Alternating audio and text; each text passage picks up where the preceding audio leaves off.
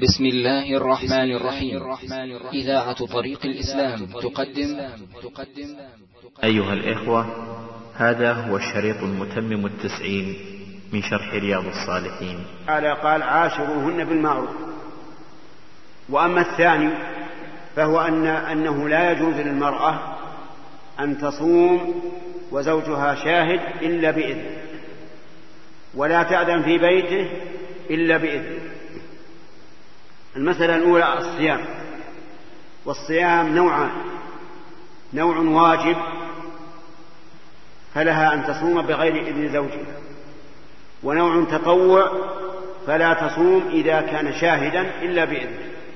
أما إذا كان غائبا فهي حرة لكن إذا كان شاهدا فلا تصوم لأنه ربما يدعوها إلى حاجته وهي صائمة فيقع في حرج وتقع هي كذلك في حرج.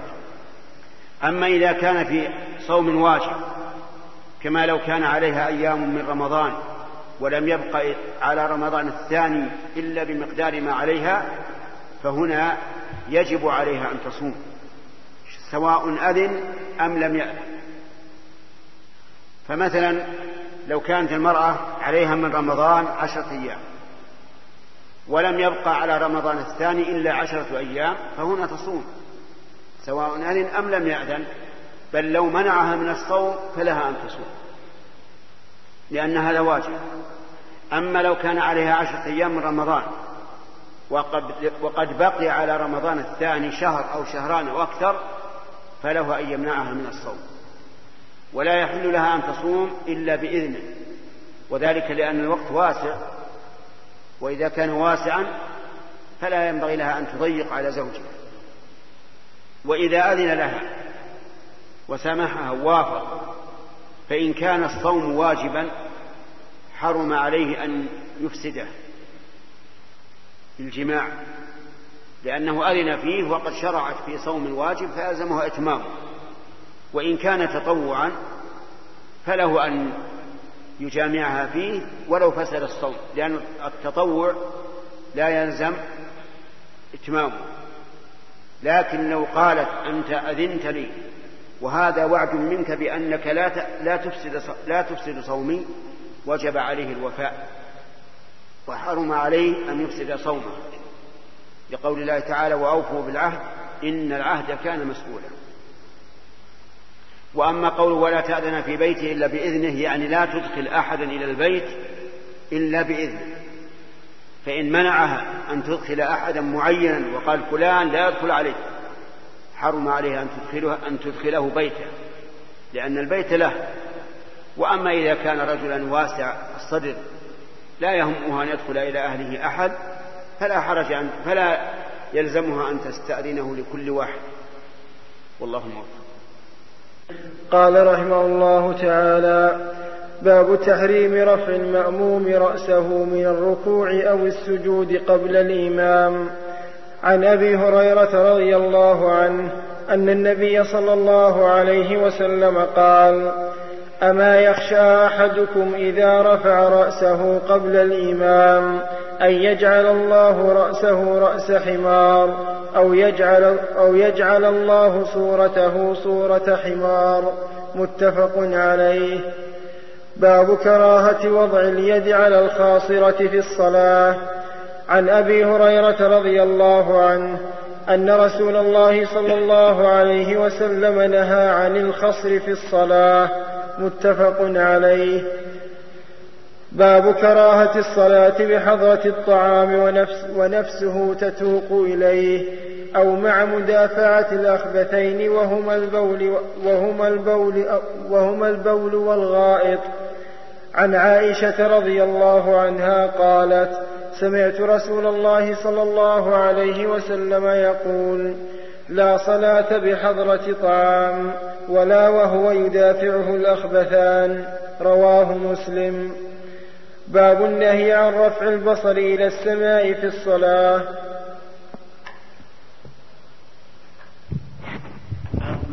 هذه أفعال بين النبي بين النبي صلى الله عليه وسلم حكمها فيما ساقه المؤلف من الأحاديث في كتابه رياض الصالحين. فالأول تحريم رفع المأموم رأسه قبل إمامه في الركوع والسجود.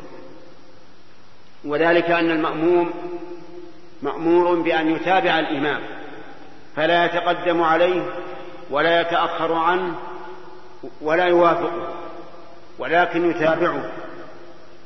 فأما سبقه أي التقدم عليه فإن كان في تكبيرة الإحرام لم تنعقد الصلاة.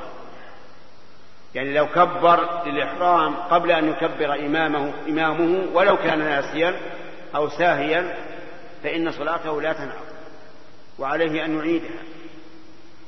وإن كان في الركوع أو السجود يعني سبق الإمام في الركوع والسجود وهو متعمد يعلم أن ذلك حرام فصلاته باطلة تبطل صلاته لأنه فعل فعلا محرما في الصلاة فبطلت صلاته كما لو تكلم. وأما الموافقة فأن يشرع مع الإمام إذا شرع في الشيء. مثلا يركع مع الركوع مع ركوع الإمام يسجد مع سجوده يقوم مع قيامه. فهذا إن كان في تكبيرة الإحرام لم تنعقد صلاته وإن كان في غيرها فهو منهي عنه. قيل قال بعضهم مكروه وقال بعضهم حرام. وأما المسابقة بأن يأتي بالشيء, قبل الإمام فسبق أنه في تكبيرة الإحرام لا تنعقد الصلاة. أما في الركوع والسجود فقد حذر, حذر منه النبي عليه الصلاة والسلام في الرفع منهما. فقال أما يخشى أحدكم إذا رفع رأسه قبل الإمام أن يحول الله رأسه رأس حمار. أو يجعل صورته صورة حمار. وهذا وعيد. يخشى أن الإنسان إذا رفع رأسه من الركوع قبل إمامه أو من السجود قبل إمامه أن يجعل الله صورته صورة حمار والعياذ بالله. أو يحول رأسه رأس حمار. وإنما اختار النبي صلى الله عليه وسلم الحمار دون سائر البهائم لأن الحمار أبلد ما يكون من البهائم. أبلد البهائم الحمار. ولهذا مثل به اليهود الذين حملوا التوراة ثم لم يحملوها. قال كمثل الحمار يحمل أسفارا. وهذا يدل على تحريم سبق الإمام في الرفع من الركوع والرفع من السجود. وكذلك السبق إلى الركوع أو السجود حرام على المأموم. وأما التأخر عن الإمام فكما يفعله بعض الناس إذا سجد وقام الإمام من السجود تجده يبقى ساجدا يزعم أنه يدعو الله وأنه في خير وفي دعاء. يقول نعم أنت في خير ودعاء لو كنت وحدك أما وأنت مع الإمام فإن تأخرك عن الإمام مخالف لهدي النبي صلى الله عليه وسلم. لقوله إذا ركع فاركعوا والفاء تدل على الترتيب والتعقيب. فالمشروع الإنسان أن يبادر وأن لا يتأخر ويأتي بقية الكلام على الحديثين الأخيرين إن شاء الله.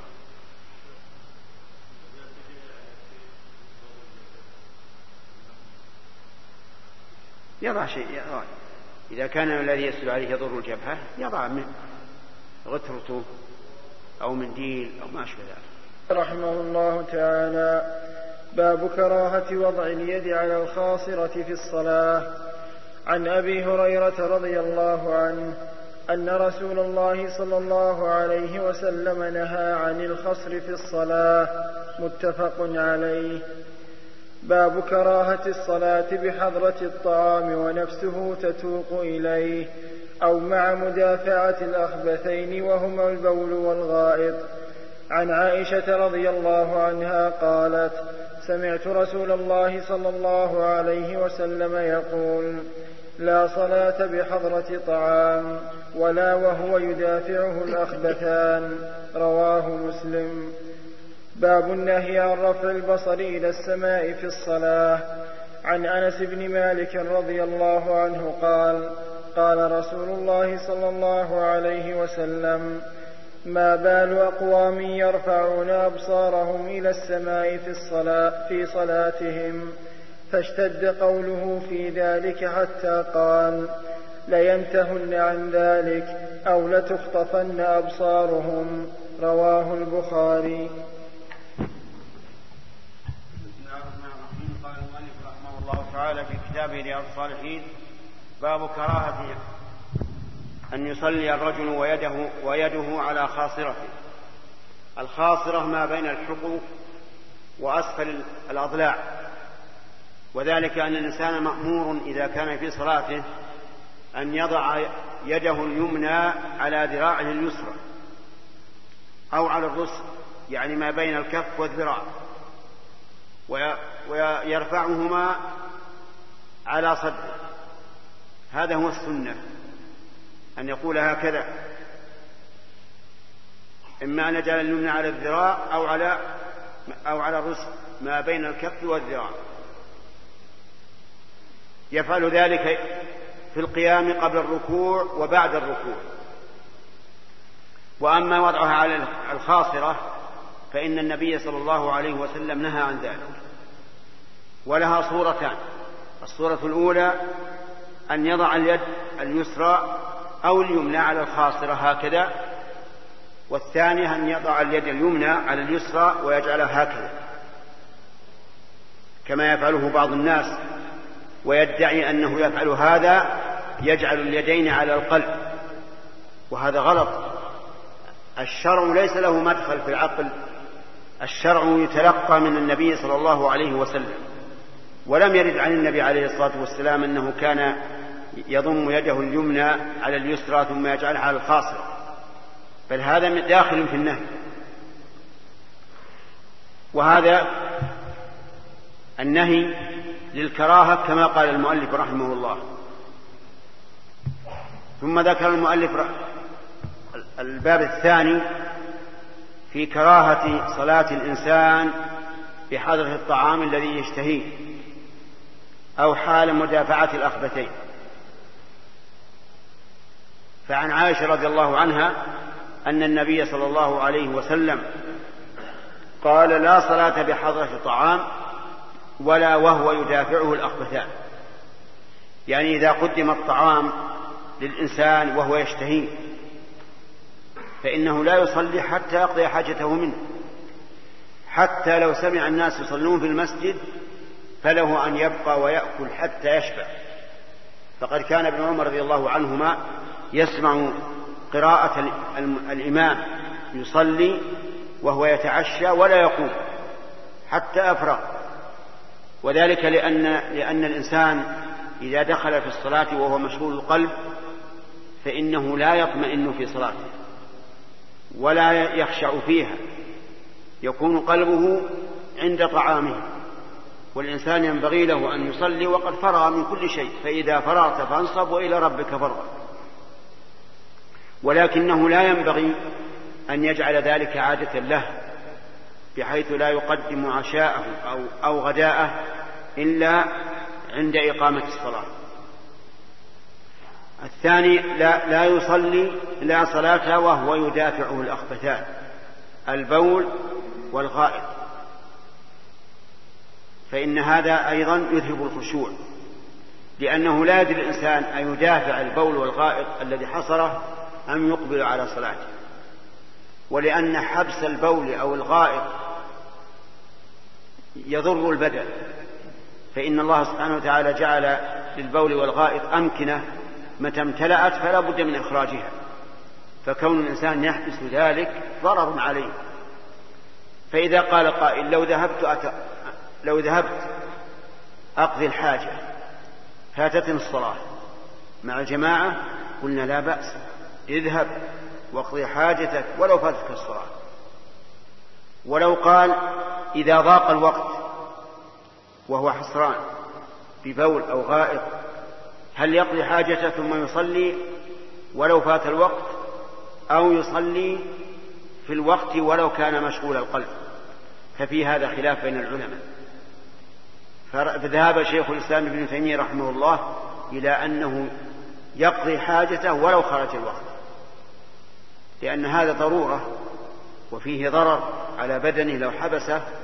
وقال أكثر العلماء لا لا يخرج الوقت من أجل ذلك بل يصلي ويخفف ولعله لا يتضرر لا يتضرر بذلك. أما الباب الثالث فهو كراهة رفع البصر إلى السماء في الصلاة. كما رواه أنس عن النبي صلى الله عليه وسلم أنه نهى أن يرفع الرجل بصره إلى السماء. فقال ما بال أقوام يرفعون أبصارهم إلى السماء في الصلاة؟ يعني ما شأنهم؟ لماذا يرفعون أبصارهم إلى السماء؟ لينتهن عن ذلك أو لتخطفن أبصارهم. وهذا وعيد يدل على أنه يحرم على الإنسان أن يرفع بصره إلى السماء وهو يصلي. وقد رأيت بعض الناس إذا رفع من الركوع قال سمع الله لمن حمده ورفع بصره ووجهه وهذا حرام عليه. حتى إن بعض العلماء رحمهم الله قال إن فعل بطل الصلاة لأنه ارتكب منهيا عنه نهيا خاصا في الصلاة. والقاعدة الشرعية أن من ارتكب شيئا منهيا عنه في العبادة بخصوصه فإنه فإن عبادته تبطل. ثم إن هؤلاء عللوا بعلة ثانية وقالوا إن هذا سوء أدب مع الله. والمطلوب من المرء وهو يصلي أن يخشع ويطأطئ رأسه. وقالوا أيضا في التعليل إن الإنسان مأمور بأن يستقبل القبلة بجميع بدنه. فإذا رفع بصره إلى السماء صار وجهه قبلة إلى السماء. فتبطل صلاته. فالمسألة على خطر ولهذا اشتد قول النبي عليه الصلاة والسلام في ذلك حتى قال لينتهن أو لتخطفن أبصارهم فإذا قال قال إذا أين أضع بصري قلنا ضع بصرك حيث كان سجودك. حيث كان السجود ضع البصر. إلا في حال رفع السبابة في الدعاء في التشهد وبين السجدتين فانظر إلى السبابة لأن النبي صلى الله عليه وسلم حين رفعها لا يتجاوز بصره إشارتها. واستثنى بعض العلماء رحمهم الله استثنى من ذلك النظر إلى الإمام ليقتدى به. لا سيما إذا كان الإنسان لا يسمع ولا يمكن اقتداؤه بإمامه إلا بالنظر فإنه ينظر إليه لأن الصحابة كانوا يفعلون ذلك. وقد صعد النبي صلى الله عليه وسلم المنبر وجعل يصلي عليه وقال فعلت ذلك لتأتموا بي ولتعلموا صلاتي. ولا يمكن يحصل تعلم الصلاة إلا وهم ينظرون إليه. ولهذا كانوا يحكون اضطراب لحيته في قراءة في الصلاة السرية مما يدل على أنهم كانوا ينظرون إلى إمامه. واستثنى بعض العلماء إذا كان الإنسان في المسجد الحرام. والكعبة أمامه فإنه يجعل بصره إلى الكعبة. ولكن هذا الاستثناء ضعيف. الصحيح أنه لا ينظر إلى الكعبة حال الصلاة لأنه لم يرد عن النبي عليه الصلاة والسلام ولأنه يوجب التشويش حيث ينظر إلى الناس يطوفون ويذهبون ويجيئون. ثم إن قول, قول بعضهم إن النظر إلى الكعبة عبادة غلط. ليس بصحيح لم يرد عن النبي عليه الصلاة والسلام فيما نعلم حديث صحيح ولا ضعيف أن النظر إلى الكعبة عبادة. الله صلى الله عليه وسلم عن الالتفات في الصلاة فقال هو اختلاس يختلسه الشيطان من صلاة العبد رواه البخاري. وعن أنس رضي الله عنه قال قال رسول الله صلى الله عليه وسلم إياك والالتفات في الصلاة فإن الالتفات في الصلاة هلكة فإن كان لا بد ففي التطوع لا في الفريضة. رواه الترمذي وقال حديث حسن صحيح. قال المؤلف رحمه الله تعالى في كتابه رياض الصالحين باب كراهة الالتفات في الصلاة من غير حاجة. الإنسان إذا قام يصلي فإنه بين يدي الله عز وجل. فلا ينبغي له أن يلتفت لا بقلبه ولا بوجهه إلى غير الله سبحانه وتعالى. أما الالتفات بالقلب فهو أن الإنسان يفكر في غير ما يتعلق بالصلاة مثل الهواجيس التي تعتري كثيرا من المصلين فإن هذا التفات بالقلب وهو أشد إخلالا بالصلاة من الالتفات بالبدن. لأنه ينقص الصلاة. حتى أن الإنسان ينصرف من صلاته ما كتب له إلا عشرها والقلب حسب حضور قلبه. وأما التفات بالوجه فهو أن يلتفت الإنسان بلي عنقه يلوي عنقه يمينا أو شمالا. وذلك لأن الإنسان مأمور في صلاته أن يكون وجهه تلقاء القبلة لا يميل يمينا ولا شمالا. فإن فعل فقد سألت عائشة النبي صلى الله عليه وسلم عن الالتفات في الصلاة. فقال هو اختلاس يختلسه الشيطان من صلاة العبد الاختلاس أخذ الشيء بخفية يعني أن الشيطان يتسلط على الإنسان في صلاته فيؤدي إلى أن يلتفت يمينا أو شمالا لأجل أن ينقص أجره. فإن الله سبحانه وتعالى مقبل على العبد بوجهه. فإذا أعرض الإنسان عنها عن ربه فإنه يوشك أن يعرض الله عنه. ولهذا نهى النبي صلى الله عليه وسلم عن الالتفات في الصلاة كما في حديث أنس بن مالك وقال إن الالتفات في الصلاة هلك. ولكن إذا كان هناك حاجة فلا بأس. كما لو سمعت صوت حيوان يريد أن يعدو عليك والتفت فلا بأس.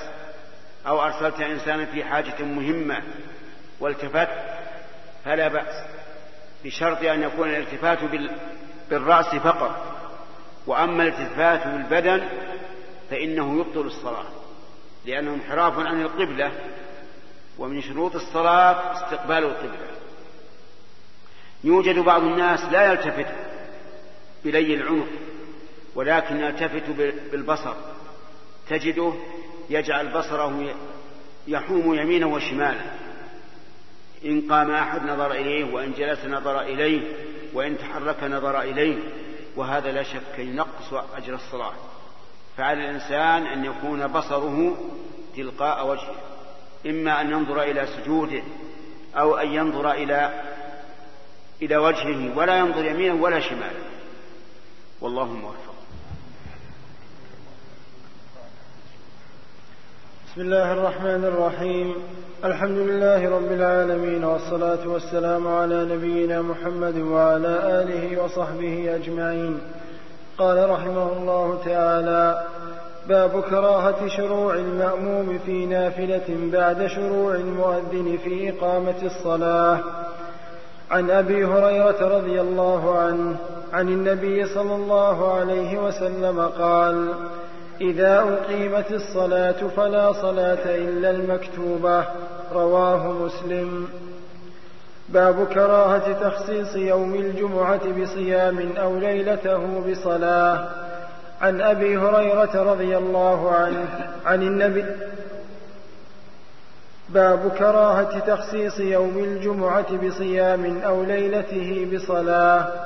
عن أبي هريرة رضي الله عنه عن النبي صلى الله عليه وسلم قال لا تخصوا ليلة الجمعة بقيام من بين الليالي ولا تخصوا يوم الجمعة بصيام من بين الأيام إلا أن يكون في صوم يصومه أحدكم.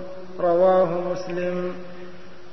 وعنه رضي الله عنه قال سمعت رسول الله صلى الله عليه وسلم يقول لا يصومن أحدكم يوم الجمعة إلا يوما قبله أو بعده.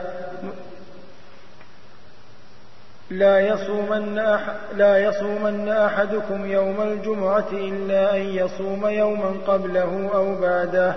متفق عليه. وعن محمد بن عباد قال سألت جابرا رضي الله عنه أنهى النبي صلى الله عليه وسلم عن صوم الجمعة؟ قال نعم متفق عليه.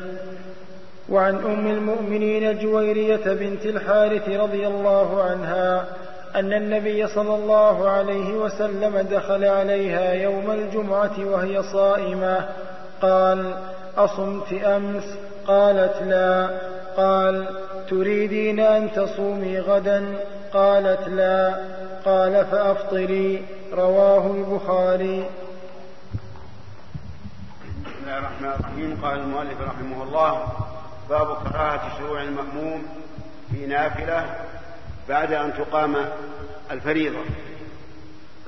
يعني أنه إذا أقيمت الصلاة فإنه لا يشرع المأموم في نافلة. سواء كانت هذه النافلة تحية مسجد أو تطوعا مطلقا أو راتبة تلك الصلاة مثل أن تحضر لصلاة الفجر فتقام الصلاة فلا يجوز أن تصلي سنة الفجر لأنها أقيمت الصلاة. ودليل ذلك حديث أبي هريرة رضي الله عنه أن النبي صلى الله عليه وعلى آله وسلم قال إذا أقيمت الصلاة فلا صلاة إلا المكتوبة. فقوله فلا صلاة عام يشمل أي صلاة كان حتى لو كان على الإنسان فريضة فائتة نسيها ولم يذكرها إلا حين أقيمت الصلاة فإنه لا يصليها. ولكن يدخل مع الإمام بنية تلك الفريضة التي فاتته. ولا ينفرد ولا ينفرد عن الناس. فمثلا إذا أقيمت لصلاة العصر ودخلت ودخلت المسجد وأنت لم تصلي الظهر فلا تصلي الظهر لأنه أقيمت صلاة العصر لكن يدخل معهم بنية الظهر ثم إذا فرغت من صلاتك فصل العصر. ولكن إذا أقيمت وأنت قد شرعت في النافلة فهل تكملها أو تخرج منها؟ في هذا للعلماء قولان. القول الأول أنه إذا أقيمت الصلاة وأنت قد شرعت في النافلة فاقطعها ولا تكملها مطلقا. والقول الثاني كملها ولو فاتتك ركعة أو ركعتان أو كل الصلاة إلا مقدار تكبيرة الإحرام قبل السلام. والصحيح أن نقول إذا أقيمت الصلاة وأنت في نافلة فإن كنت فإن كنت في الركعة الأولى فاقطعها. وإن كنت في الركعة الثانية فأتمها خفيفة. وهذا هو الصحيح. الذي يمكن أن تجتمع فيه الأدلة. وأما صوم يوم الجمعة فقد عقد المؤلف له بابا وهو كراهة تخصيص يوم الجمعة بصيام وليلتها بقيام. يوم الجمعة هي عيد الأسبوع ويتكرر في كل سبعة أيام يوما هو الثامن. ولما كان عيدا نهى النبي صلى الله عليه وسلم عن صومه. لكنه ليس نهي تحريم لأنه يتكرر في العام أكثر من خمسين مرة. وأما النهي عن صوم العيدين عيد الأضحى والفطر فهو نهي تحريم لأنه لا يتكرر في السنة إلا مرة واحدة. عيد الفطر مرة وعيد الأضحى مرة. أما الجمعة فيتكرر ولهذا كان النهي عنه أخف. كان نهي كراهة. وتزول الكراهة إذا ضممت إليه يوما قبله أو يوما بعده. ولهذا جاءت حديث أبي هريرة رضي الله عنه أن النبي صلى الله عليه وسلم قال لا تقصوا يوم الجمعة بصيام ولا ليلتها بقيام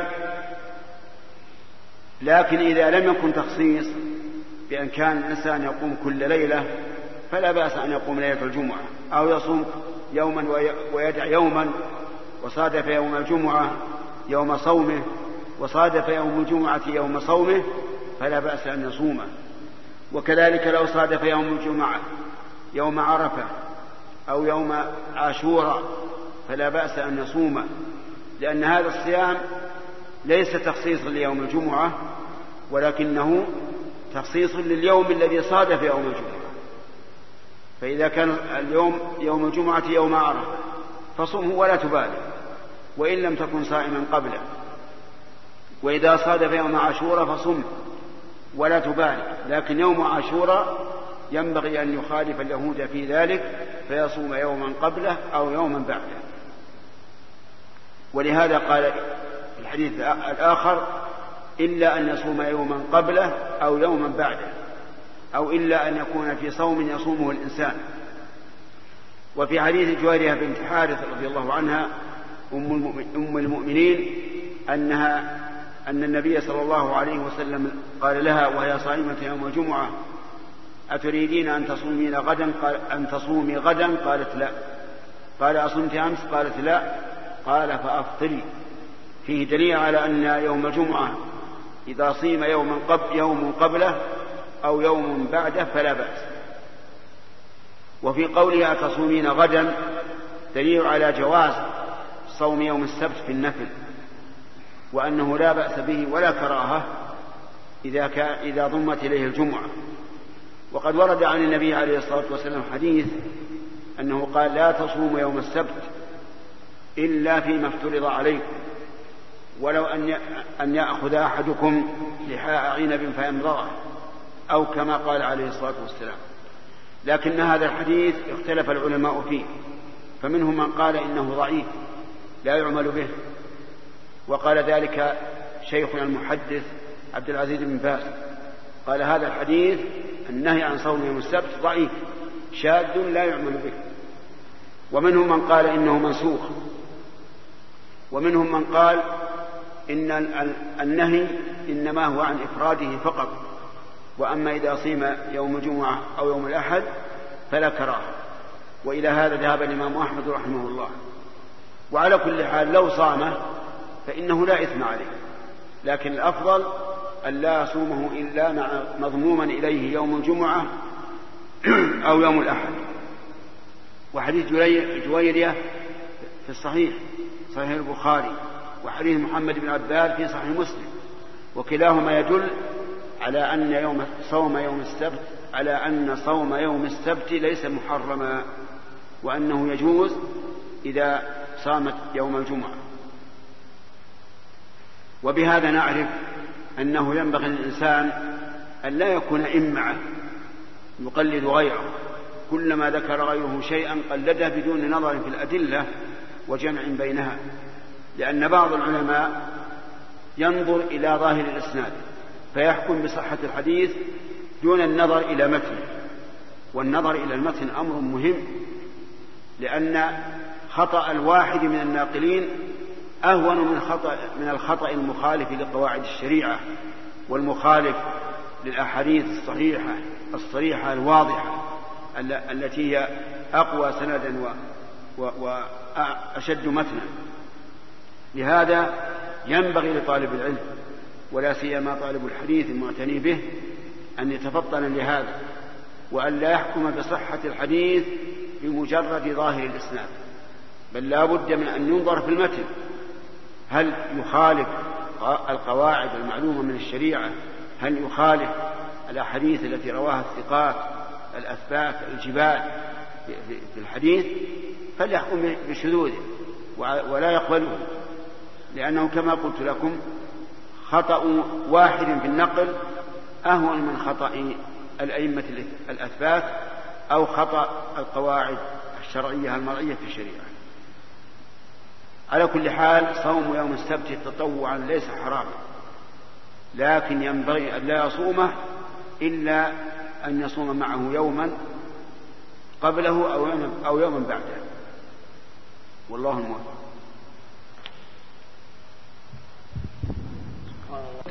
قال رحمه الله تعالى باب تحريم الوصال في الصوم. عن أبي هريرة وعائشة رضي الله عنها أن النبي صلى الله عليه وسلم نهى عن الوصال متفق عليه. وعن ابن عمر رضي الله عنهما قال نهى رسول الله صلى الله عليه وسلم عن الوصال. قالوا إنك تواصل.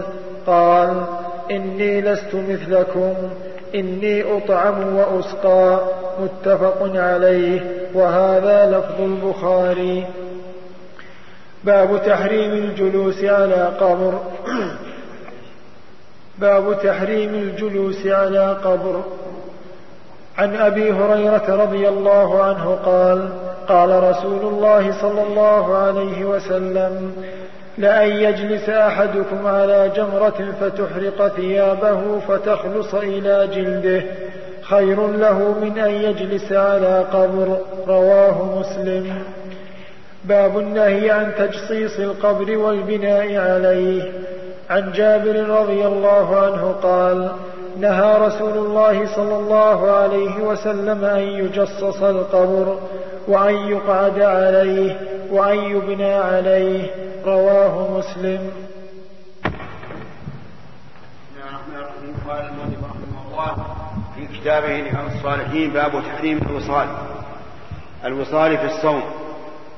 ومعنى الوصال أن يقرن الإنسان بين يومين في الصيام فلا يفطر بينهما. والله سبحانه وتعالى قد حدد الصيام في قوله فالآن باشرون وابتغوا ما كتب الله لكم وكلوا واشربوا حتى يتبين لكم الخيط الأبيض من الخيط الأسود من الفجر ثم أتموا الصيام إلى الليل. قال ثم أتموا الصيام إلى الليل. فحد الله ابتداء الصيام وانتهاءه. وقال النبي صلى الله عليه وسلم لا يزال الناس بخير ما عجلوا الفطر. هذا هو المشروع. أن الإنسان يبادر بالفطور ولا يتأخر. ولا يحل له أن ولا يحل له أن يواصل بين يومين. لأن النبي صلى الله عليه وسلم نهى عن ذلك. وقال أيكم أراد أن يواصل فليواصل إلى السحر. فأذن صلى الله عليه وسلم بالمواصلة إلى السحر. إلى السحر يعني وليتسحر في آخر الليل. وبهذا تبين أن للصائم ثلاث حالات. الحال الأولى أن يبادر بالإفطار بعد غروب الشمس وهذه هي السنة والأفضل والأكمل. والحال الثانية أن يتأخر إلى السحر وهذا جائز لكنه خلاف الأولى. والثالثة أن لا, أن لا يفطر بين اليومين بل يواصل وهذه حرام على ما ذهب إليه المؤلف رحمه الله وهذا هو الأقرب لأن النبي صلى الله عليه وسلم نهى عن الوصال فواصلوا رضي الله عنهم. ظنا منهم أنه إنما نهى عنه من أجل الرفق بهم والشفقة عليهم وقالوا نحن نتحمل فواصلوا فتركهم ثم واصلوا وواصلوا. حتى هل الشهر شهر شوال فقال لو تأخر الهلال ولزدتكم كالمنكل لهم عليه الصلاة والسلام. وهذا يدل على التحريم. وذهب بعض العلماء إلى كراهة الوصال دون التحريم لأن العلة هي الإرفاق بالإنسان والإنسان أمير نفسه لكن الأقرب أن الوصال محرم. لنهي النبي صلى الله عليه وسلم عنه ولأن النبي صلى الله عليه وسلم واصل بهم يوما ويوما ويوما حتى رؤي الهلال وقال لو تأخر لزدتكم وما يفعله بعض السلف كما يروى عن عبد الله بن الزبير رضي الله عنهما أنه كان يواصل خمسة عشر يوما لا يفطر بينهما. فهذا اجتهاد منه ولا وتأويل ولكن الصواب ما دلت عليه السنة. ثم ذكر المؤلف رحمه الله تحريم الجلوس على القبر. لأن القبر فيه إنسان مسلم محترم وجلوسك عليه إهانة له. ولهذا قال النبي عليه الصلاة والسلام فيما رواه أبو هريرة لأن يجلس أحدكم على جمرة فتحرق ثيابه فتمضي فتخلص إلى جسده خير له من أن يجلس على القبر. وهذا يدل على التحريم وأنه لا يجوز للإنسان أن يجلس على قبر المسلم. وإذا أراد أن يجلس فليجلس من وراء القبر. يجعل القبر خلف ظهره أو عن يمينه أو عن شماله. وأما أن يجلس عليه فهذا حرام. وضد ذلك الغلو في القبور. ولهذا نهى النبي صلى الله عليه وسلم أن يجصص القبر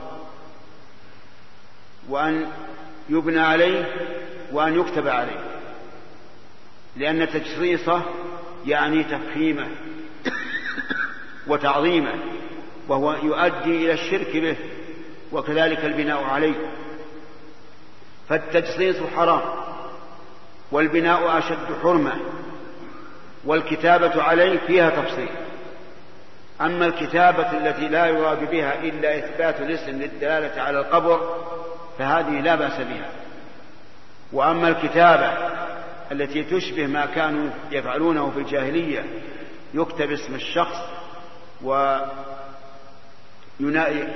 يكتب اسم الشخص وتكتب يكتب الثناء عليه وأنه فعل كذا وكذا وكذا وغيره من المديح أو تكتب الأبيات فهذا حرام. ومن هذا أيضا ما يفعله بعض الجهال في غير بلادنا الحمد لله بلادنا ظاهرة منه. يكتب على الحجر الموضوع على القبر يكتب سورة الفاتحة مثلا أو غيرها من الآيات فكل هذا حرام. وعلى من رآه في المقبرة أن يزيل هذا الحجر لأن هذا من المنكر الذي يجب تغييره. والله الموفق الحمد لله رب العالمين والصلاة والسلام على نبينا محمد وعلى آله وصحبه أجمعين. قال رحمه باب تغليظ تحريم إباق العبد من سيده. عن جرير رضي الله عنه قال قال رسول الله صلى الله عليه وسلم أيما عبد أبق فقد برئت منه الذمة. رواه مسلم. وعنه رضي الله عنه عن النبي صلى الله عليه وسلم إذا أبق العبد لم تقبل له صلاة رواه مسلم وفي رواية فقد كفر باب تحريم الشفاعة في الحدود. قال الله تعالى الزانية والزاني فاجلدوا كل واحد منهما مئة جلدة ولا تأخذكم بهما رأفة في دين الله إن كنتم تؤمنون بالله واليوم الآخر. عن عائشة رضي الله عنها أن قريشا أهمهم شأن المرأة المخزومية التي سرقت فقالوا من يكلم فيها رسول الله صلى الله عليه وسلم فقالوا من يكلم فيها رسول الله صلى الله عليه وسلم؟ فقالوا ومن يجترئ عليه إلا أسامة بن زيد حب رسول الله صلى الله عليه وسلم. فكلمه أسامة فقال رسول الله صلى الله عليه وسلم أتشفع في حد من حدود الله تعالى؟ ثم قام فاختطب. ثم قال إنما أهلك الذين قبلكم أنهم كانوا إذا سرق فيهم الشريف تركوه وإذا سرق فيهم الضعيف أقاموا عليه الحد. ويم الله لو أن فاطمة بنت محمد صلى الله عليه وسلم سرقت لقطعت يدها. متفق عليه. وفي رواية فتلون وجه رسول الله صلى الله عليه وسلم فقال أتشفع في حد من حدود الله؟ فقال أسامة استغفر لي يا رسول الله. قال ثم أمر بتلك المرأة فقطعت يدها. بسم الله الرحمن الرحيم. الحمد لله رب العالمين وصلى الله وسلم على نبينا محمد وعلى آله وأصحابه ومن تبعهم بإحسان إلى يوم الدين. قال المؤلف رحمه الله في كتابه رياض الصالحين باب تغليظ تحريم إباق العبد. العبد يعني المملوك وإباقه يعني هربه من سيده. وذلك أن العبد مملوك للسيد في ذاته ومنافعه فإذا هرب فقد فوت على سيده ذلك.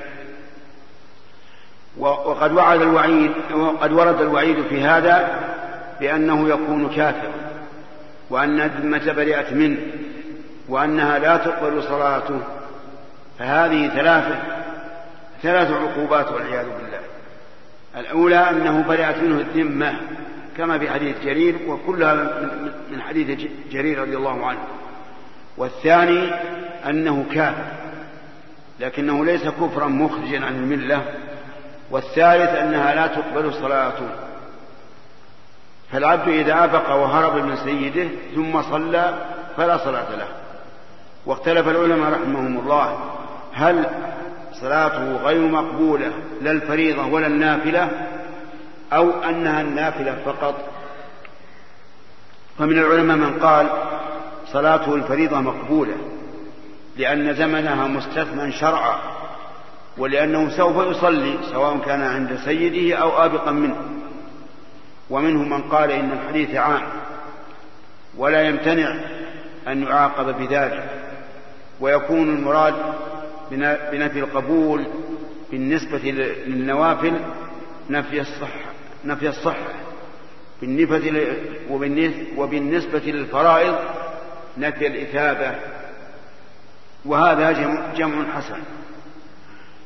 أما الباب الثاني فهو تحريم الشفاعة في الحد أي فيما في العقوبة المقدرة شرعا واعلم أن العقوبات على الذنوب تنقسم إلى قسمين.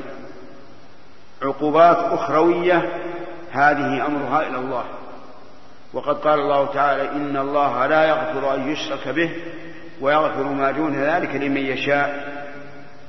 فكل ذنب سوى الشرك فإنه قابل أن يغفره الله عز وجل بفضله ورحمته. وأما العقوبات الدنيوية فهي أقسام كثيرة. منها أقسام معينة محددة في الشريعة. فهذه لا يجوز تعديها فمثلا السارق تقطع يده. ولا يجوز أن تقطع رجله مع يده ولا أن تقلع عينه ولا أن تفجر أذنه. لا يجوز أن يتعدى فيها ما حده الله ورسوله وهو إيش؟ قطع اليد. كذلك أيضا الزنا. إذا كان الزاني لم يتزوج من قبل فحده مئة جلدة وتغريب عام. تغريب عام يعني طرده من البلد إلى بلد آخر لمدة سنة. هذا أيضا لا تجوز الزيادة فيه ولا النقص منه لأنه حد من الحدود. ومثل المحاربين لله ورسوله الساعين في الأرض فسادا. هؤلاء جزاؤهم أن يقتلوا أو يصلبوا أو تقطع أيديهم وأرجلهم من خلاف أو ينفوا من الأرض. هناك عقوبات أخرى غير مقدرة. هذه يرجع إلى رأي الحاكم يعني القاضي الشرعي أو من له أو من له تنظيم وتقنين العقوبات. هذه أمرها واسع. تارة تكون العقوبة بالمال. يغرم الإنسان مالا وتارة تكون العقوبة بالعزل عن منصبه وتارة تكون بالحبس وتارة تكون بالتشهير بأن يعلن اسمه مخالفته بين الناس وتارة تكون بالتقويم من المجلس حسب ما تقتضيه المصلحة والتأديب وتارة تكون بالجلب.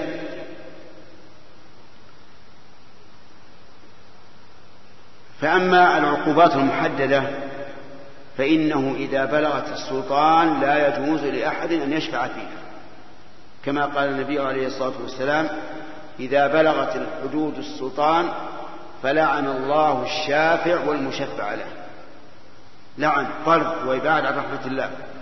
وقال من حالت شفاعته دون حد من حدود الله فقد ضاد الله في أمره والعياذ بالله. وإن لم تقع وإن لم تصل إلى الحاكم فهنا قد يجوز الشفاعة والتوسط مثل لو أن أحدا رأى شخصا يزني وشهد وشاهد وعنده أربعة شهود على ذلك ورأى أن من المصلحة أن يستتاب هذا الرجل فإذا تاب ستر عليه فلا بأس. أما بعد أن تبلغ السلطان فلا يجوز. ثم ذكر المؤلف حديث عائشة رضي الله عنها في قصة المرأة المخزومية وسيأتي الكلام عليه إن شاء الله تعالى. والله موفق.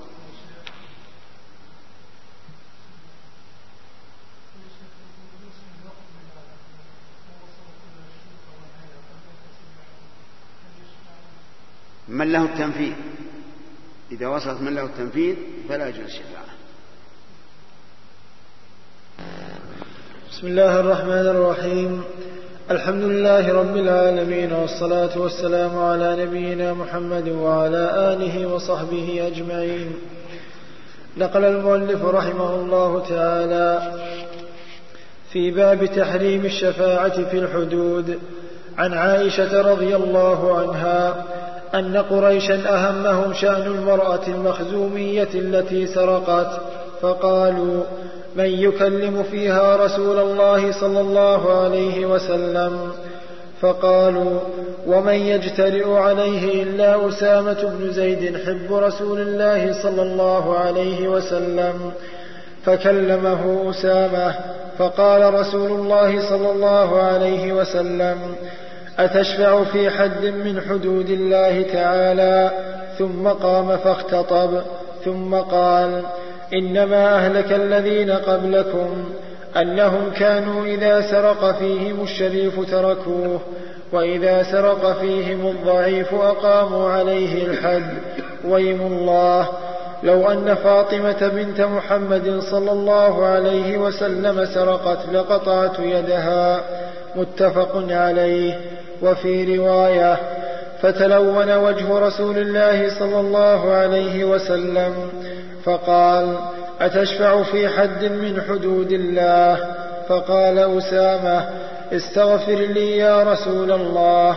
قال ثم أمر بتلك المرأة فقطعت يدها.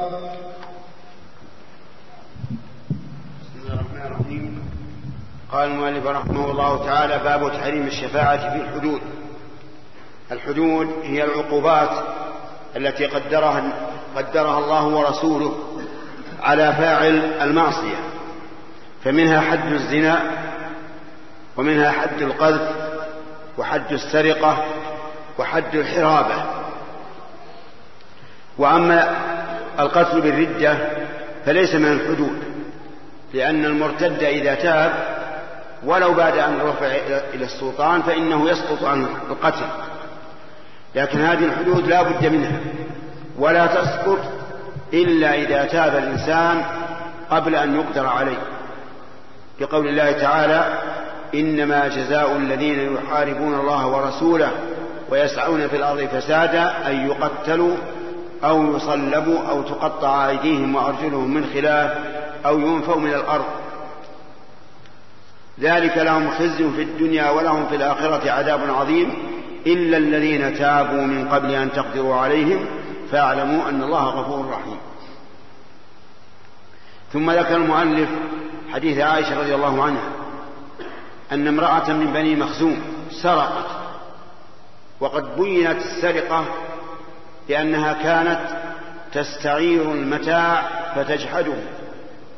يعني تأتي للناس تقول أعني الدلو أعني القدر أعني الإناء أعني الإناء فيعيرونه إحسانا إليها. ثم تجحد العارية وتقول ما أعرتمون. فجعل النبي صلى الله عليه وعلى آله وسلم جحد العارية بمنزلة السرقة لأن السارق يدخل البيوت بخفية ويأخذ وهذه سرقت أموال الناس بخفية أخذتها منهم على أنها عارية وأنه وأنها إحسان من أهلها أي من أهل الأموال ثم تجهل أمر النبي صلى الله عليه وسلم أن تقطع يده وكان من بني مخزوم من أشرف, من, أشرف من أشرف قبائل قريش فأهمهم ذلك. يعني لحقهم الهم بهذا. كيف تقطع يد المخزومية؟ فطلبوا من يشفع إلى رسول الله صلى الله عليه وعلى آله وسلم. فقالوا من يجترئ عليه إلا أسامة بن زيد.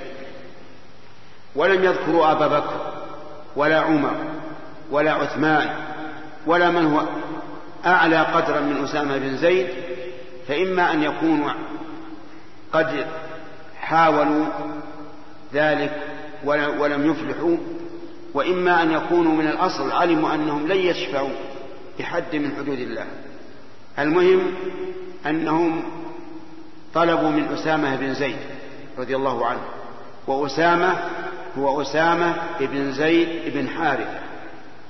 وزيد بن حارثة كان عبدا مملوكا وهبته خديجة للنبي صلى الله عليه وسلم فأعتقه وكان يحب ويحب ابنه أسامة.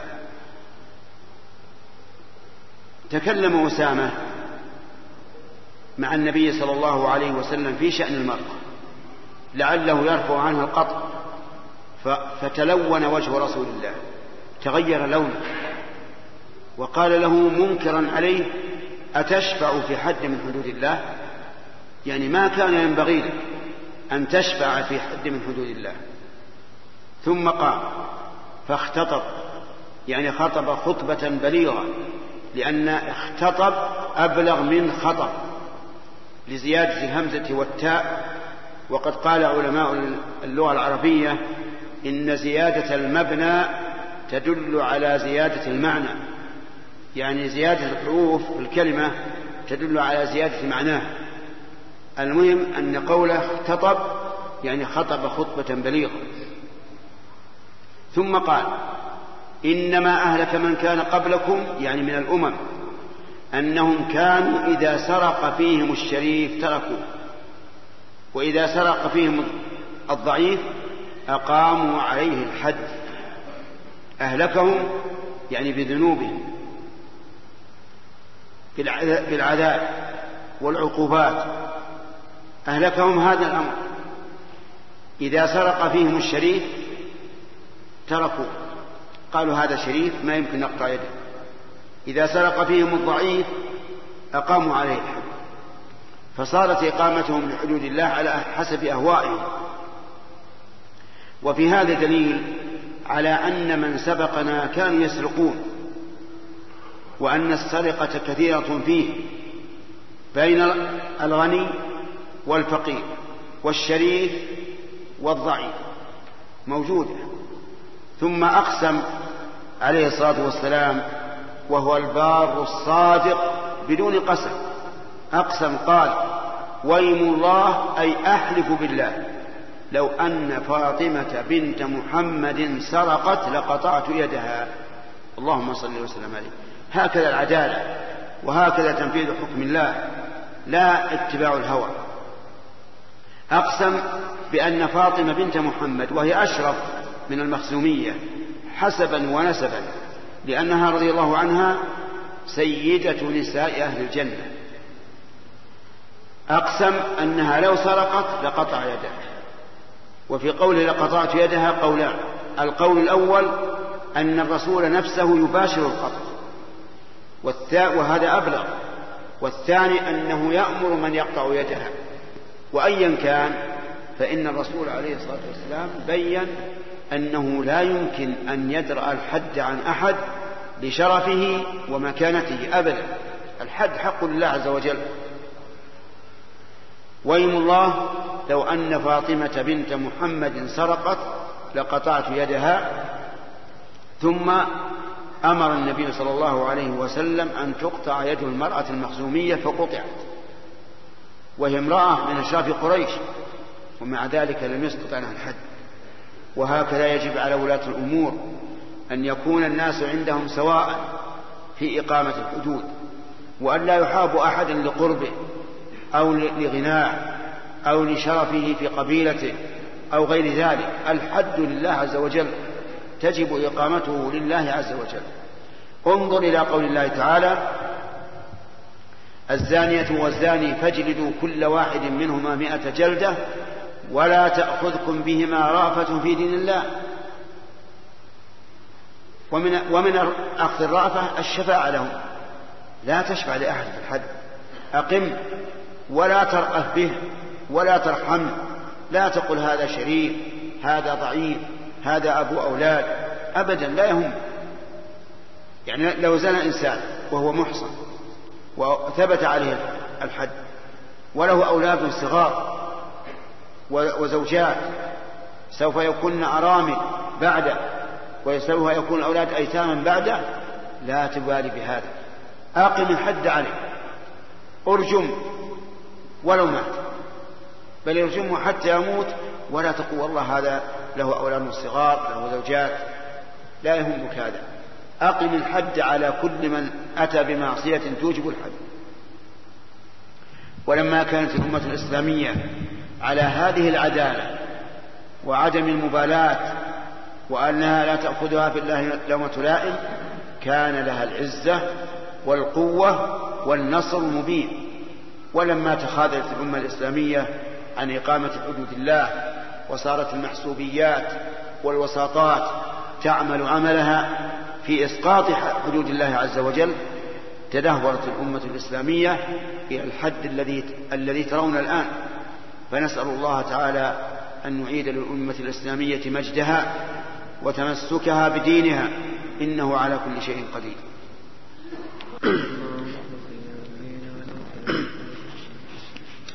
بسم الله الرحمن الرحيم. الحمد لله رب العالمين والصلاة والسلام على نبينا محمد وعلى آله وصحبه أجمعين. قال رحمه الله تعالى باب النهي عن التغوط في طريق الناس وظلهم وموارد الماء ونحوها. قال الله تعالى والذين يؤذون المؤمنين والمؤمنات بغير ما اكتسبوا فقد احتملوا بهتانا وإثما مبينا.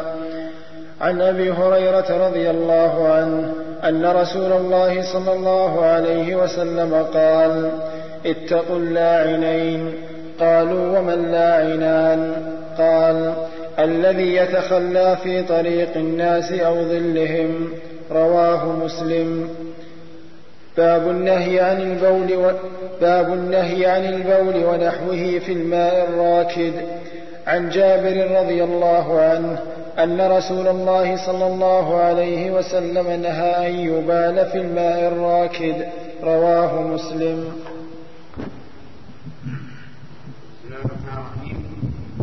قال المؤلف رحمه الله في كتابه في كتابه رياض الصالحين باب تحريم التغوط في طريق الناس أو ظلهم أو نحو ذلك. التغوط يعني إخراج البراز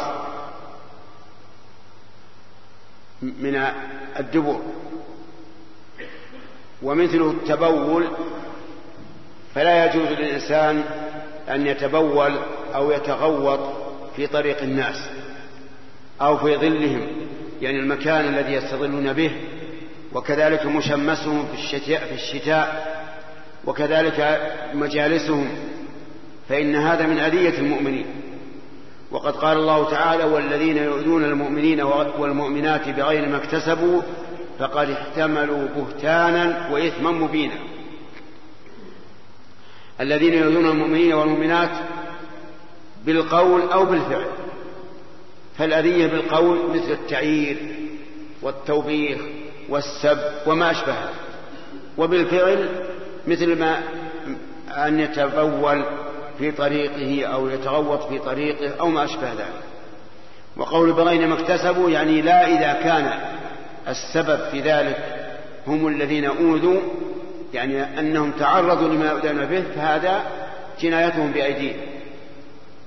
ثم ذكر حديث أبي هريرة رضي الله عنه أن النبي صلى الله عليه وسلم قال اتقوا اللاعنين. قالوا وما اللاعنان؟ قال الذي يتخلى في طريق الناس أو ظلهم. اللاعن اسم فاعل من اللعن وسمى النبي صلى الله عليه وسلم ذلك لاعنا لأنه سبب للعن. فالذي يتخلى في طريق الناس أو يتخلى في ظلهم ملعون والعياذ بالله. وأيضا من رأى بولا أو غائطا في طريق الناس أو ظلهم فله أن يقول اللهم لعن من فعل هذا لأنه هو الذي عرض نفسه لذلك. وكذلك أيضا لا يجوز البول في الماء الراكد ونحوه لأن النبي صلى الله عليه وسلم نهى عن ذلك كما في حديث جابر الذي رواه مسلم. فلا يجوز للإنسان أن يقول في الماء الراكد مثل الغدير وشبهه أما الماء الجاري فالجاري يمشي ولا يتأثر. إلا إذا كان الجاري نحو ساقية وتحته ناس يتطهرون بهذا الماء أو يشربون منه فهذا لا يجوز لأنه يؤذي من تحته. والله موفق.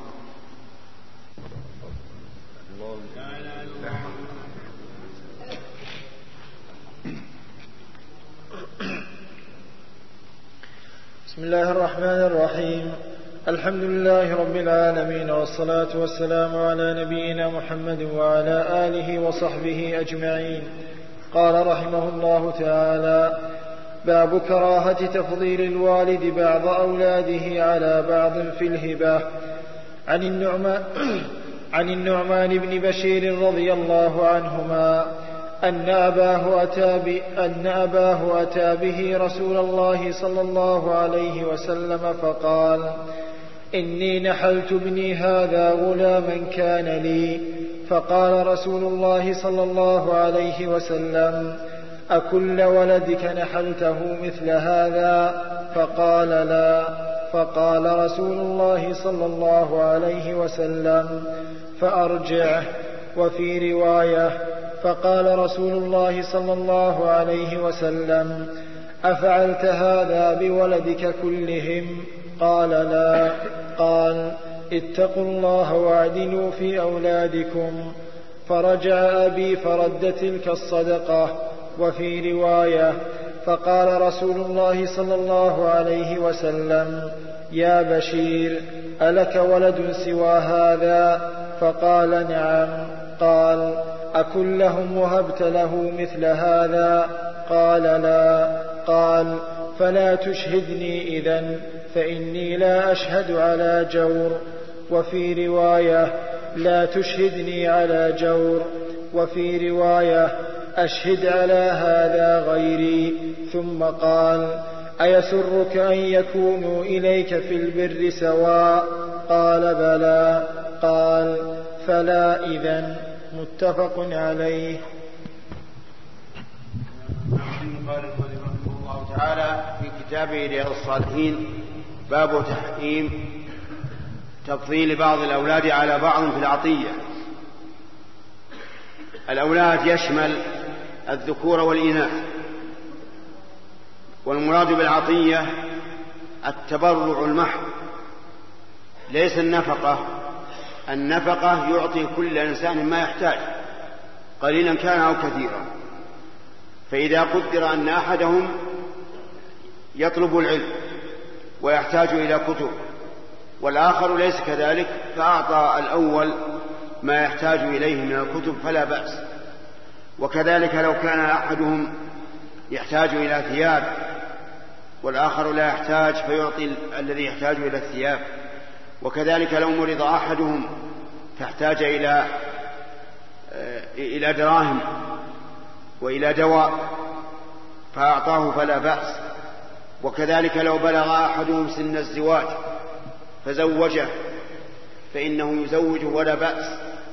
المهم ما كان لدفع الحاجة فالتسوية فيه أن يعطي كل إنسان ما يحتاج أما إذا كان تبرعا محضا فلا بد من التعديل بينهم.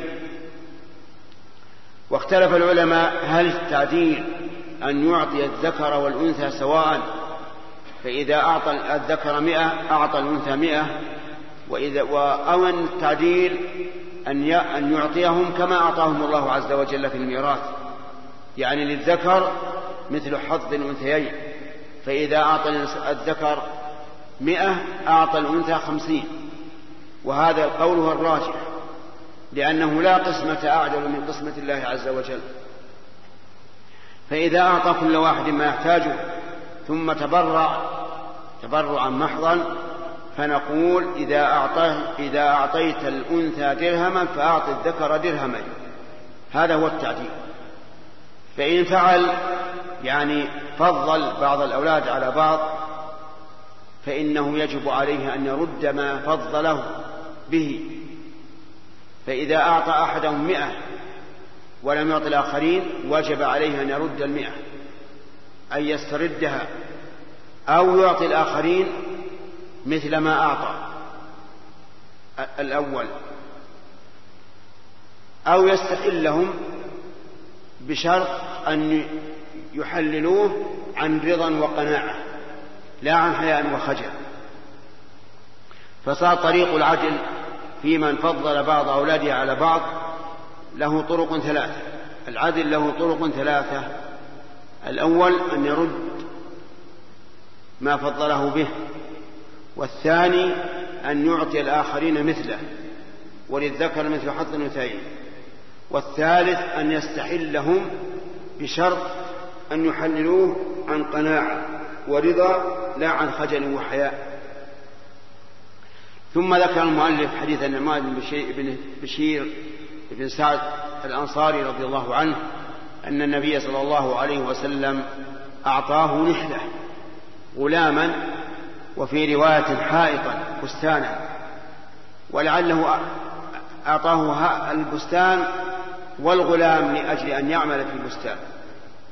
فقالت أمه عمرة بنت رواحة رضي الله عنها وهي فقيهة قالت لا أرضى أن تعطي ابني هذا دون إخوانه حتى تشهد النبي صلى الله عليه وسلم. فذهب بشير بن سعد رضي الله عنه ليشهد النبي صلى الله عليه وسلم. فقال له الرسول عليه الصلاة والسلام ألك بنون؟ قال نعم. قال أعطيتهم مثل ما أعطيت بشيرا بشيرا. قال مثل ما أعطيت النعمان. قال أعطيتهم مثل ما أعطيت النعمان. قال لا. قال رد. يعني رد ما أعطيته. ثم قال أشهد على هذا غيري وهذا تبرؤ منه. وليس إباحة له أن يشهد على ذلك بل هو تبرؤ منه. ولهذا قال أشهد على هذا غيري فإني لا أشهد على جور ثم قال أتريد أن يكونوا إليك في البر سواء؟ قال نعم يا رسول الله. قال إذن سوي بينهم لأنك إذا فضلت أحدهم على الآخر صار في نفس المفضل عليه شيء وصار لا بر والد والدة. ثم قال اتقوا الله واعدلوا بين أولادكم. فأمر عليه الصلاة والسلام أن نعدل بين الأولاد في العطية حتى لو تعطي أحدهم عشرة ريالات فأعط الآخر مثله. لا تقل هذا شيء زهيد ما يسوى من, من يستأذن أبدا له ريال واحد. لا تعطيه إلا أعطيت الثاني. حتى كان السلف الصالح رضي الله عنهم إذا قبلوا أحد الأولاد قبل الثاني من شدة العدل بينهم. وكذلك أيضا في في النظر إليهم. لا تنظر هذا إلى هذا نظر غضب وإلى هذا نظر, نظر رضا لا اعدل بينهم حتى في في المواجهة وطلاقة الوجه. إلا أن يفعل أحدهم ما, ما يغضب هذا له شأن. لكن بدون سبب اجعلهم سواء ولا تفضل أحدا على أحد. وهنا مسألة وهي أن بعض الناس يزوج أولاده الكبار وله أولاد صغار. فيوصي لهم بعد موته بمقدار المهر وهذا حرام ولا يحل لأن هؤلاء إنما أعطيتهم لحاجتهم حاجة لا يماثلهم إخوانهم الآخرون الصغار. فلا يحل لك أن توصي لهم بشيء. وإذا أوصى فالوصية باطلة ترد في التركة ويرثونها على قدر ميراثهم.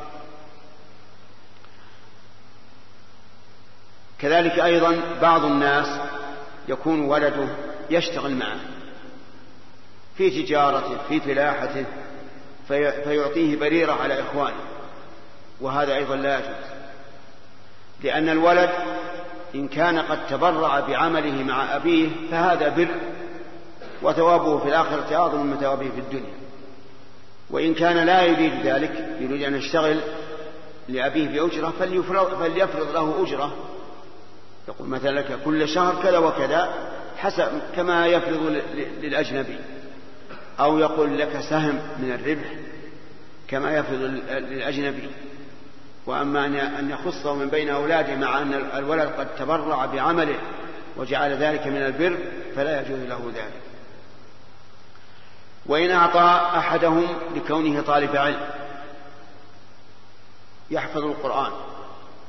فإن قال للآخرين من طلب منكم العلم أعطيته مثل أخيه أو من تحفظ القرآن أعطيته مثل أخيه فطلب بعضهم وترك البعض فهؤلاء هم الذين تركوا الأمر بأنفسهم فلا حق لهم. وأما إذا كان خص هذا دون أن يفتح الباب لأخوانه فهذا لا يجوز. وعلم من قول الرسول عليه الصلاة والسلام اتقوا الله واعدلوا بين أولادكم أن غير الأولاد من الأقارب لا يجب العدل بينهم. فلك أن تعطي بعض إخوانك أكثر من الآخرين أو تعطيهم وتحرم الآخرين؟ لأن النص إنما ورد في الأولاد فقط. وأما قول بعض العلماء رحمهم الله إنه يجب عليه التعديل بين جميع الورثة بقدر ميراثهم فهذا قول لا دليل عليه. التعديل إنما يجب بين من؟ بين الأولاد فقط. والله الموفق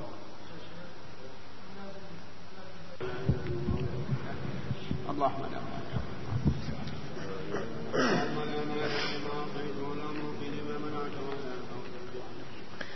بسم الله الرحمن الرحيم. الحمد لله رب العالمين والصلاة والسلام على نبينا محمد وعلى آله وصحبه أجمعين. قال رحمه الله تعالى باب تحريم إحداد المرأة على ميت فوق ثلاثة أيام إلا على زوجها أربعة أشهر وعشرة أيام. عن زينب بنت أبي سلمة رضي الله عنهما قالت دخلت على أم حبيبة رضي الله عنها زوج النبي صلى الله عليه وسلم حين توفي أبوها أبو سفيان بن حرب رضي الله عنه. فدعت بطيب فيه صفرة خلوق أو غيره فدهنت منه جارية ثم مست بعارضيها ثم قالت والله ما لي بالطيب من حاجة غير أني سمعت رسول الله صلى الله عليه وسلم يقول على المنبر لا يحل لامرأة تؤمن بالله واليوم الآخر أن تحد على ميت فوق ثلاثة ليال فوق ثلاث ليال. إلا على زوج أربعة أشهر وعشرا قالت زينب. ثم دخلت على زينب بنت جحش رضي الله عنها حين توفي أخوها.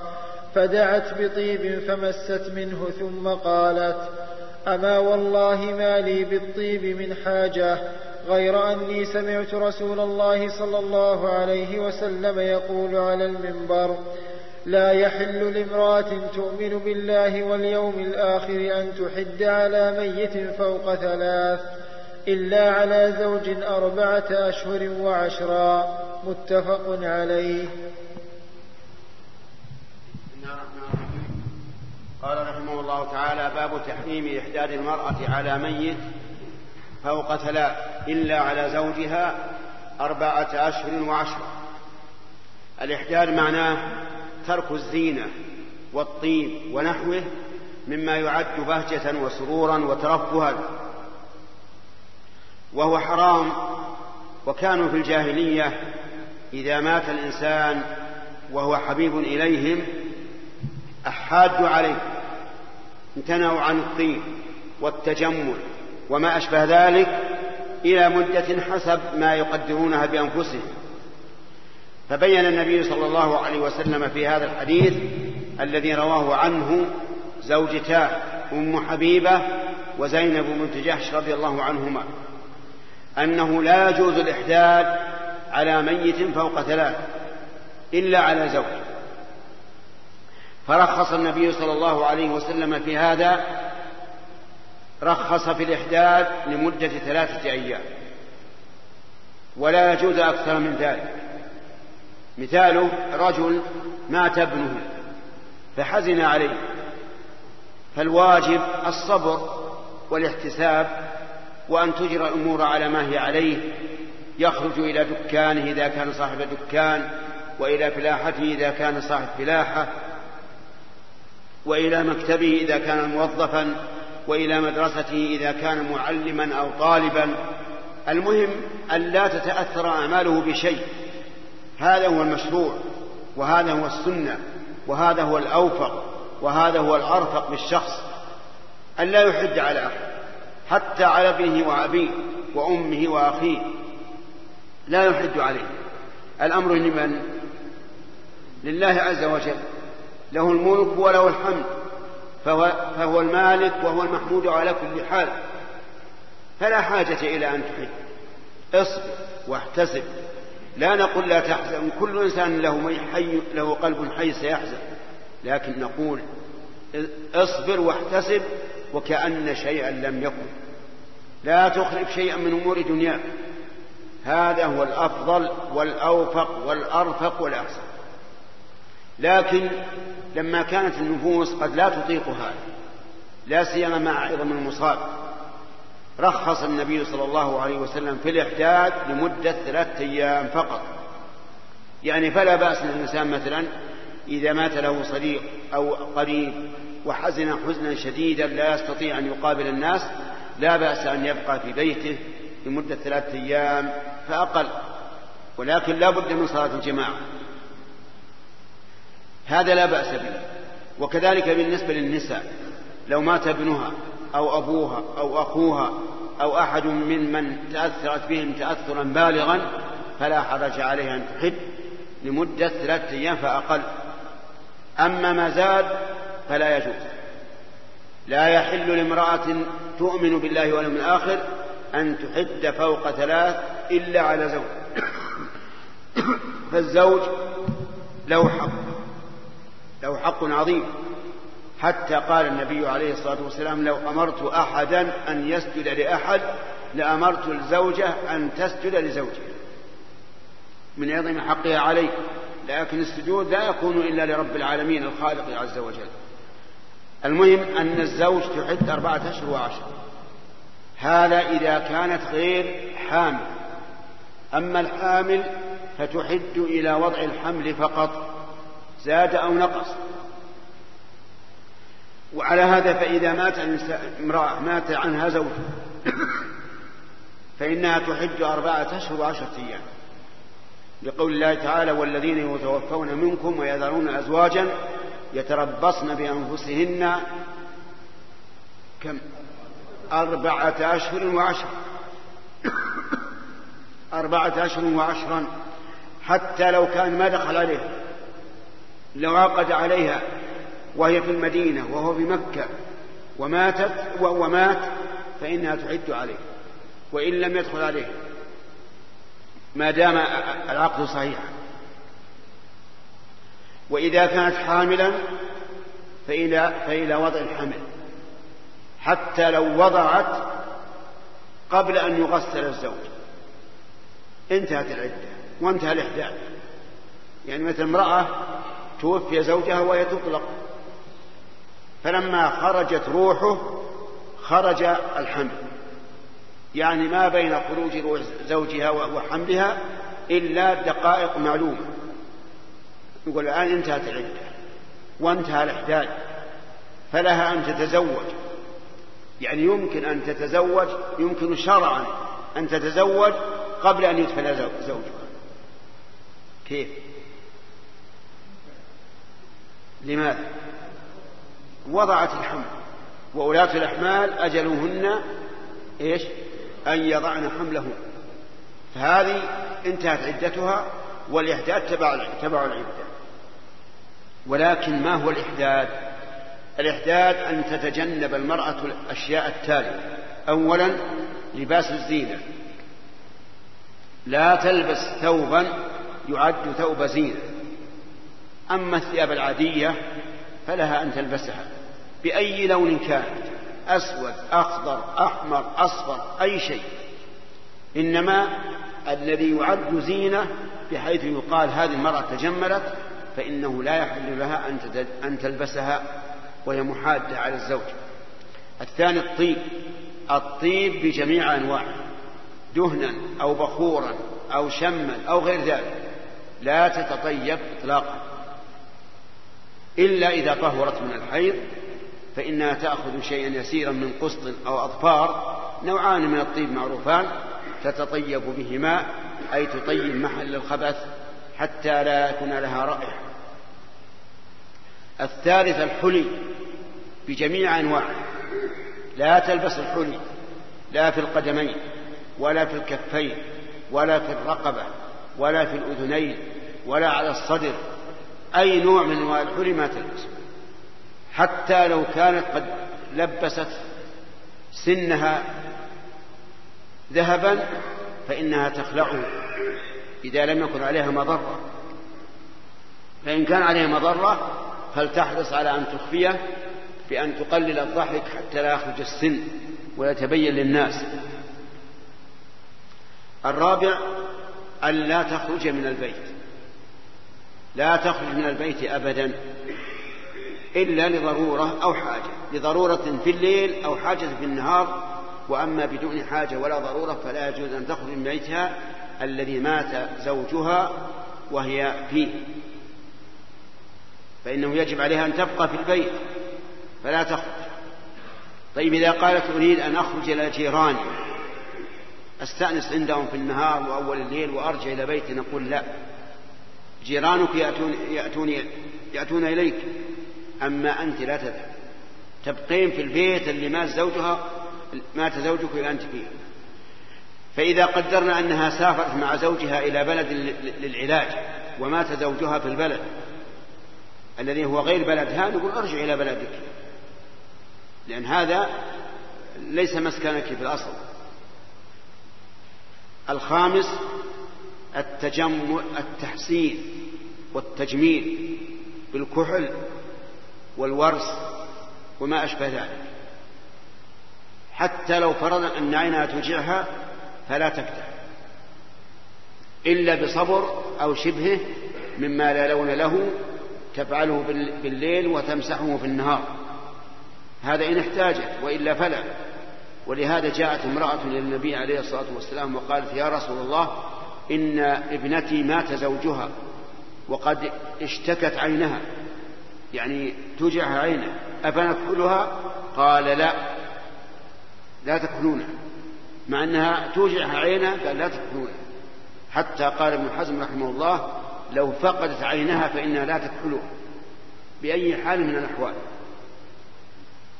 لأن النبي صلى الله عليه وسلم سئل عن هذه المريضة في عينها فأبى أن يرخص لهم في الكحل وكذلك التحمير والتجميل وما أشبه هذا. أما الصابون الذي ليس فيه طيب فلا بأس. وكذلك تنظيف الرأس وكذلك تنظيف الجلد. وما اشتهر عند العوام من أن المرأة تغتسل من الجمعة إلى الجمعة يعني المحادة فهذا لا أصل له.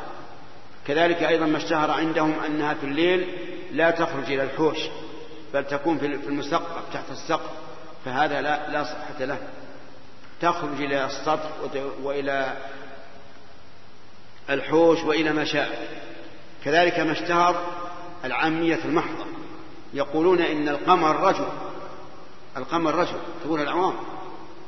القمر رجل له عيون وله أنف وله فم ولا تخرج المرأة للقمر. لأن القمر رجل يطلع عليه. هذا غلط. ما هو صحيح. تخرج في الليلة المقمرة وفي وفي في الشمس في الشمس الصاحية وفي كل شيء لكن لا تخرج من البيت. كذلك أيضا ما اشتهر عند العوام أنها لا تكلم أحدا إلا من محارمها. هذا غلط أيضا. تكلم من شاء تكلم من يقرأ يستأذن عند الباب ومن يتكلم في التلفون. تكلمهم لا بأس. تكلم من يدخل إلى البيت من أقارب الزوج وأقاربها الذين ليسوا من محارمها تكلمهم ولا حرج. يعني هي في الكلام كغيرها من النساء لا يحرم عليها الكلام. لكنها كما قال الله عز وجل لا تخضعن بالقول فيطمع الذي في قلبه مرض. والله موفق.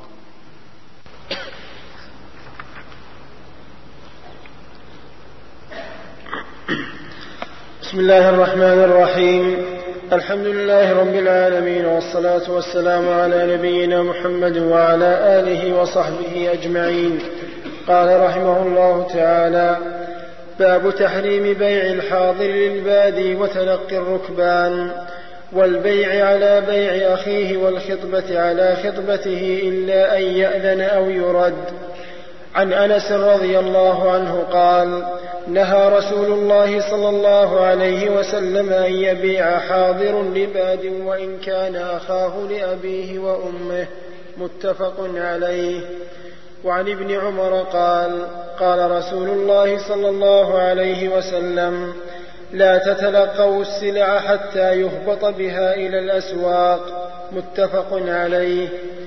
وعن ابن عباس رضي الله عنهما قال قال رسول الله صلى الله عليه وسلم لا تتلقوا الركبان ولا يبع حاضر لباد فقال له طاووس ما يبيع حاضر لباد قال لا يكون له سمسارا. متفق عليه. هذه أمور ثلاثة عقد لها المؤلف رحمه الله تعالى بابا في كتابه رياض الصالحين. منها أن يبيع حاضر لباد ومنها تلقي الركبان ومنها البيع على بيع أخيه. أما بيع الحاضر للبادي فهو أن يأتي إنسان قادم من البادية بغنمه أو إبله أو سمنه أو لبنه أو أقطه يبيعه في السوق. فيأتي الإنسان إليه وهو من أهل البلد يقول يا فلان أنا أبيع لك. هذا لا يجوز لأن النبي صلى الله عليه وسلم قال دعوا الناس يرزق الله بعضهم من بعض. دع البدوي يبيع ربما يبيع برخص لأنه يريد أن يرجع إلى أهله. وأيضا إذا باع البدوي فالعادة أن الحضري ينقد الثمن ولا يؤخره لأنه يعرف أنه صاحب بادية يريد أن يرجع. فيكون في ذلك فائدة للبائع وهو البدوي ينقد له الثمن. وفائدة للمشتري وهو أن أن الغالب أن البدوي يبيع, برخص لأنه عجل لا ينتظر الزيادة. ولهذا نهى النبي صلى الله عليه وعلى آله وسلم أن يبيع حاضر لبادي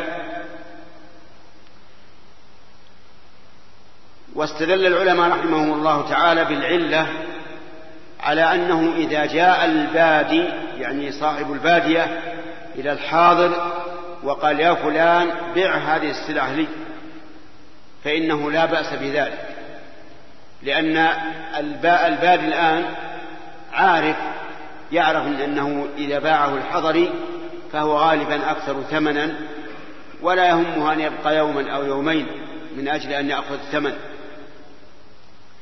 ولكن ظاهر الحديث العموم وأن الحاضر لا يبيع للبادي وأنه إذا جاء إليه قال يا فلان خذ سلعتي بيعها. يقول لا بيعها أنت.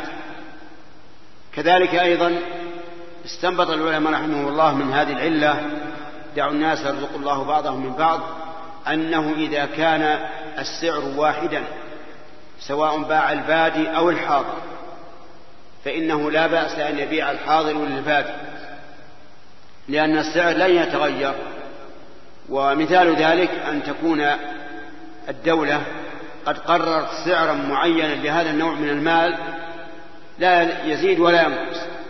فهذا لا فرق بين أن يبيعه الحاضر أو البادي. ليس ليس للحاضر مكسب وفائدة في ذلك. فقالوا إذا كان السعر معلوما فإنه لا بأس أن يبيع الحاضر للبادي. واستنبط بعض العلماء من العلة أنه لا بد أن تكون السلعة هذه للناس بها حاجة. يعني مما تتعلق به حوائج الناس.